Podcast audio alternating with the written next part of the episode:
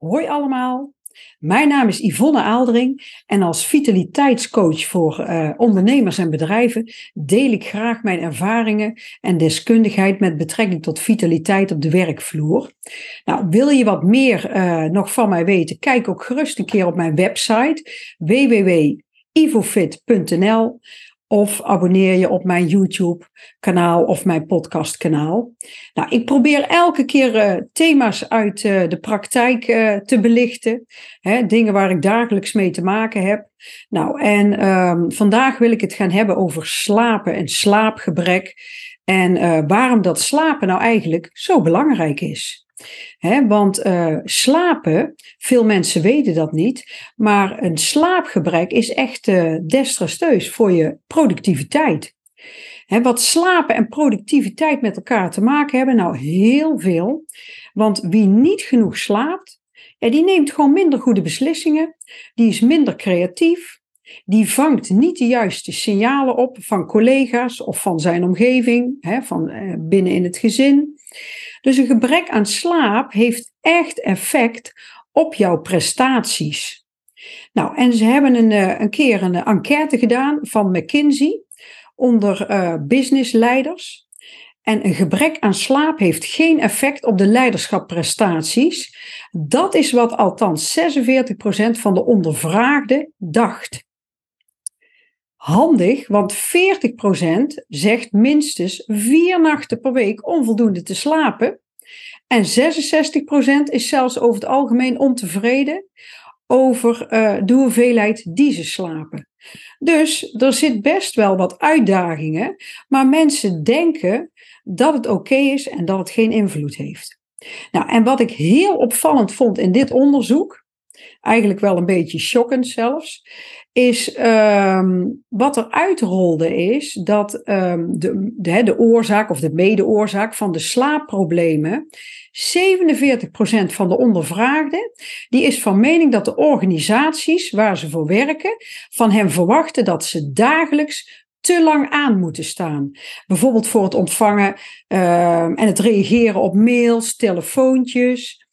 Ja, oftewel, businessleiders, teamleiders, leidinggevenden, ja, die bagatelliseren het belang van goed slapen en die leggen dus de oorzaak ervan bij hun werkgever.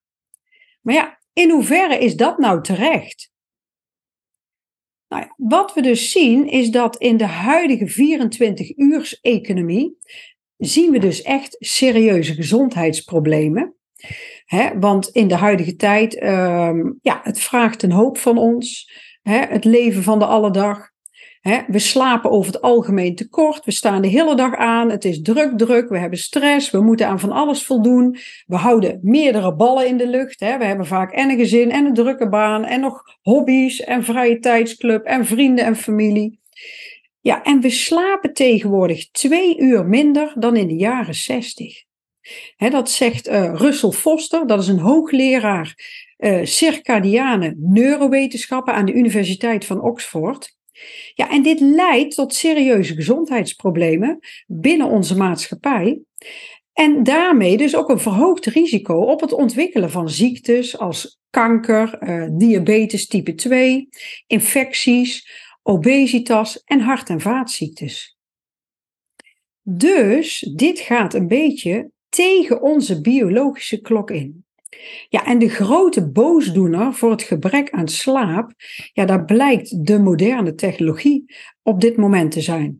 En dan vooral vanwege het hoge gehalte blauwachtig licht dat door de beeldschermen van smartphones en laptops wordt verspreid.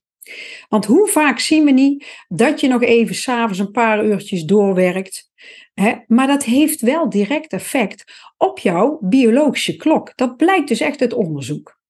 Licht is de meest invloedrijke kracht voor het resetten van onze biologische klok. En dat zegt hoogleraar en slaapexpert Charles Seisler van de Universiteit van Harvard.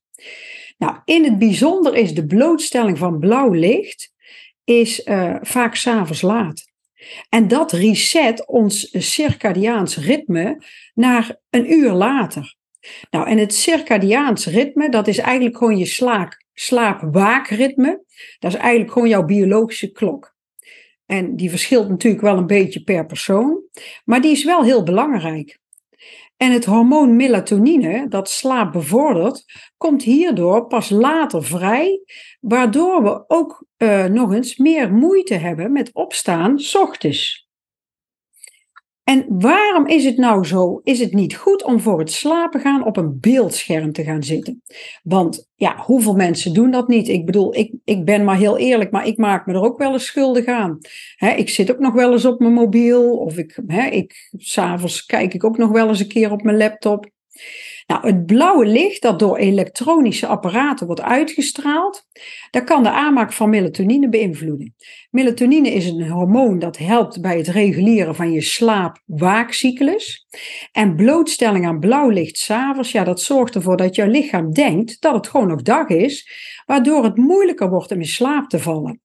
En het hormoon melatonine, wat dus dan die slaap bevordert, komt daardoor gewoon later vrij. En bovendien kunnen de activiteiten die mensen op schermen doen, en dat kan ook zijn voor de televisie, hè, zoals het bekijken van een spannende film. Nou, tegenwoordig kan je films ook op je laptop kijken, op je mobiel, op een iPad. Hè, maar ook het lezen van verontrustend nieuws, want we krijgen de, ja, eigenlijk 24 uur per dag krijgen we nieuws binnen als er aan de andere kant van de wereld iets gebeurt, dan weten we het uh, een paar seconden later. Want dat is in de huidige tijd, uh, ja, met al het digitale verkeer, dat is de realiteit. Maar daardoor blijft die geest, die blijft actief. En dat kan ook stress veroorzaken door de informatie die je binnenkrijgt. En dat beïnvloedt vervolgens weer de slaapkwaliteit. En ik zeg wel eens voor de grap, die mobiel is net als een flipperkast voor je hersenen dus jouw hersenen blijven heel actief. Ja, en om beter te slapen is het dus raadzaam om s'avonds het gebruik van schermen te beperken. En te kiezen voor ontspannende activiteiten om die geest gewoon een beetje ja, tot rust te brengen. Want daardoor zien we dus ook dat onze genen in de war zijn. En hoezeer slaapgebrek ons lichaam in de war schopt, nou, dat blijkt ook uit een, uh, een wat ouder, maar wel heel opzienbarend onderzoek van, de, van het Surrey Sleeping uh, Research Center. Dat is van de Universiteit van Surrey. En hierin werd dus geconcludeerd dat honderden genen van mensen die een week lang minder dan zes uur per nacht slapen, dusdanig beïnvloed raakten dat er serieuze problemen ontstonden met hun gezondheid. Nou, en uh, minder dan zes uur slapen is voor sommige drukke mensen eigenlijk niet een uitzondering, maar een dagelijkse realiteit. En wij vinden dat inmiddels eigenlijk heel normaal. En sommigen praten het ook nog goed voor zichzelf. Hè? Die roepen dan: Ja, ik kan ook met wat minder slaap wel toe dat roepen ze om het goed te praten, maar het is echt aangetoond dat het gewoon niet goed is. En dan kan je wel zeggen, ik kan met minder slaap vooruit, maar um, uiteindelijk beïnvloedt het je gezondheid. Ja, en de verandering vindt plaats in de genen die ons immuunsysteem, ons metabolisme, ons slaap-waakcycli en ons reactievermogen tegen stress regelen. Nou, de hoofdonderzoeker en hoogleraar Dirk-Jan uh, Dijk, die verbaasde zich er vooral over dat ze zo weinig slaapgebrek, dat dat al tot zulke ingrijpende veranderingen in ons systeem konden leiden. Ja, dus dat is eigenlijk best wel heel uh, ja, inzichtgevend, vind ik. Nou, en dat betekent dus ook dat de signalen, hè, dat wij die eigenlijk misinterpreteren. Want we hebben onze slaap heel hard nodig voor de cognitieve functies die ons helpen om problemen effectief op te lossen. En Els van der Helm, slaapexpert en oprichter van het uh, Sleep and Harvard Business Review, ja, die, um, ja, die ondersteunt dit uh, verhaal.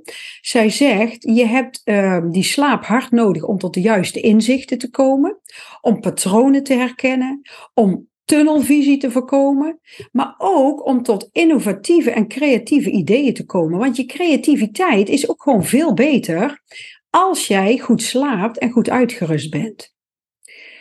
Je kan ook vervolgens anderen beter ondersteunen als jij in staat bent om hun signalen goed op te vangen en te interpreteren. En ik heb zelf een keer een onderzoek gezien En um, daar hadden ze een test gedaan of dat mensen die te weinig slaap hadden gehad, of die nog goed het gezicht en de gezichtsuitdrukking van een ander konden lezen. En het bleek dat ze dat minder goed konden als ze te weinig sliepen. Vond ik ook heel, um, ja, heel apart. Nou, wanneer je oververmoeid bent, is jouw brein eerder geneigd signalen verkeerd te interpreteren. En je hebt bovendien de neiging om gevoelens zelf ook negatiever te verwoorden. Ja, dat blijkt uit uh, wetenschappelijke studies. En um, ja, het, het vaak gehoorde advies dat in plaats van zomaar een belangrijke beslissing te nemen, kan je beter s'avonds laat, hè, um, als je nog een gevoelige e-mail moet versturen, dan kan je er beter een nachtje over slapen. Dan heb je vaak, um, kan je helderder denken en kan je beter de dingen op een rijtje zetten. Dus uh, dat is een tip. Nou, en hoeveel uur slaap heeft een volwassene nou eigenlijk nodig? Nou ja, dat varieert natuurlijk wel per persoon. Hè. De ene zal misschien inderdaad um, hè, wat minder behoefte hebben, maar tussen de 7 en 9 uur slaap heb je echt nodig. En er zijn mensen die hebben echt 8 uur nodig. En als ze minder slapen, dan voelen ze dat en merken ze dat. Hè, dus um, wil jij uitgerust wakker worden? Ga voor jezelf uh, ervaren ja, wat jij nodig hebt aan slaap. Nou, en hoe kan je er nou voor zorgen ja, dat je goed slaapt? Nou, ik heb wat uh, tips op een rijtje gezet. De eerste daarvan is een regelmatig slaapschema. He, probeer elke dag op hetzelfde tijdstip naar bed te gaan en op te staan, zelfs in het weekend. Want dat helpt jouw lichaam om een consistent slaapwaakritme te behouden. Tip 2 is creëer een ontspannen bedtijd uh, routine. Dus neem de tijd om te ontspannen voordat je naar bed gaat. Lees nog even een boek, luister naar rustgevende muziek. Of doe wat ademhalingsoefeningen om jezelf tot rust te brengen. Om voor, uh, voor het slapen gaan. Nou, tip 3 is uh, beperk de blootstelling aan beeldschermen. Want blootstelling aan het blauwe licht van smartphones, tablets, uh, computers, televisies. Ja, dat kan dus de productie van melatonine, het slaaphormoon, verstoren. Dus probeer minstens een uur voor het slapen gaan geen beeldschermen meer te gebruiken. En ik weet dat er voor sommige mensen echt een uitdaging is. Er zijn mensen die echt dan gewoon niet meer weten wat ze kunnen doen. En eigenlijk is dat best wel van de zotte. Want er zijn natuurlijk nog genoeg dingen die je wel kan doen. Nou, schep een uh, comfortabele slaapomgeving. Dus zorg ervoor dat je slaapkamer donker is, stil, koel. Een comfortabel matras en kussen, dat is ook heel belangrijk voor een goede nachtrust. En tip 5 is: beperk cafeïne en alcohol. Want cafeïnehoudende drank en alcohol, uur, enkele uren voor het slapen gaan, ja, dat kan ook je slaap enorm verstoren. En dat geldt ook eigenlijk voor s'avonds laat nog eten. Als je dat als gewoonte hebt, leer het jezelf af. Na acht uur adviseer ik altijd niet meer eten. He, wees matig met eten. En stel dat je echt nog enorme honger hebt. Nou, drink dan een glas water. He, dat stilt ook al de honger. Of neem een stuk fruit, dat is licht verteerbaar. Maar eet absoluut geen zware maaltijden vlak voor het naar bed gaan. en natuurlijk moet je honger vermijden want met honger naar bed is ook niet fijn. dan, dan kan je inderdaad nog een stukje fruit nemen of iets lichts. Um, maar um, beperk echt het, uh, het eten. Nou, ik, ik hoop eigenlijk eerlijk gezegd dat deze tips, dat je daar wat mee kan. Uh, ik hoop dat het nuttig was en dat je ook wat inzicht hebt gekregen, dat je ook beseft hoe belangrijk slapen is en dat we dat soms wel eens misschien wel er te licht over denken of te licht mee omgaan. Of dat het er stiekem ingeslopen is dat je ja, toch weinig nachtrust hebt en uh, niet zoveel uren. Kijk eens hoe dat je dat terug kan draaien en hoe dat je toch wat meer slaapuren, want het is echt ten bate van je gezondheid. Nou, vond je dit uh, uh, nuttig of denk je aan iemand anders? Deel ook gerust mijn aflevering. En um, ja, ik zou zeggen graag tot een, een volgende keer.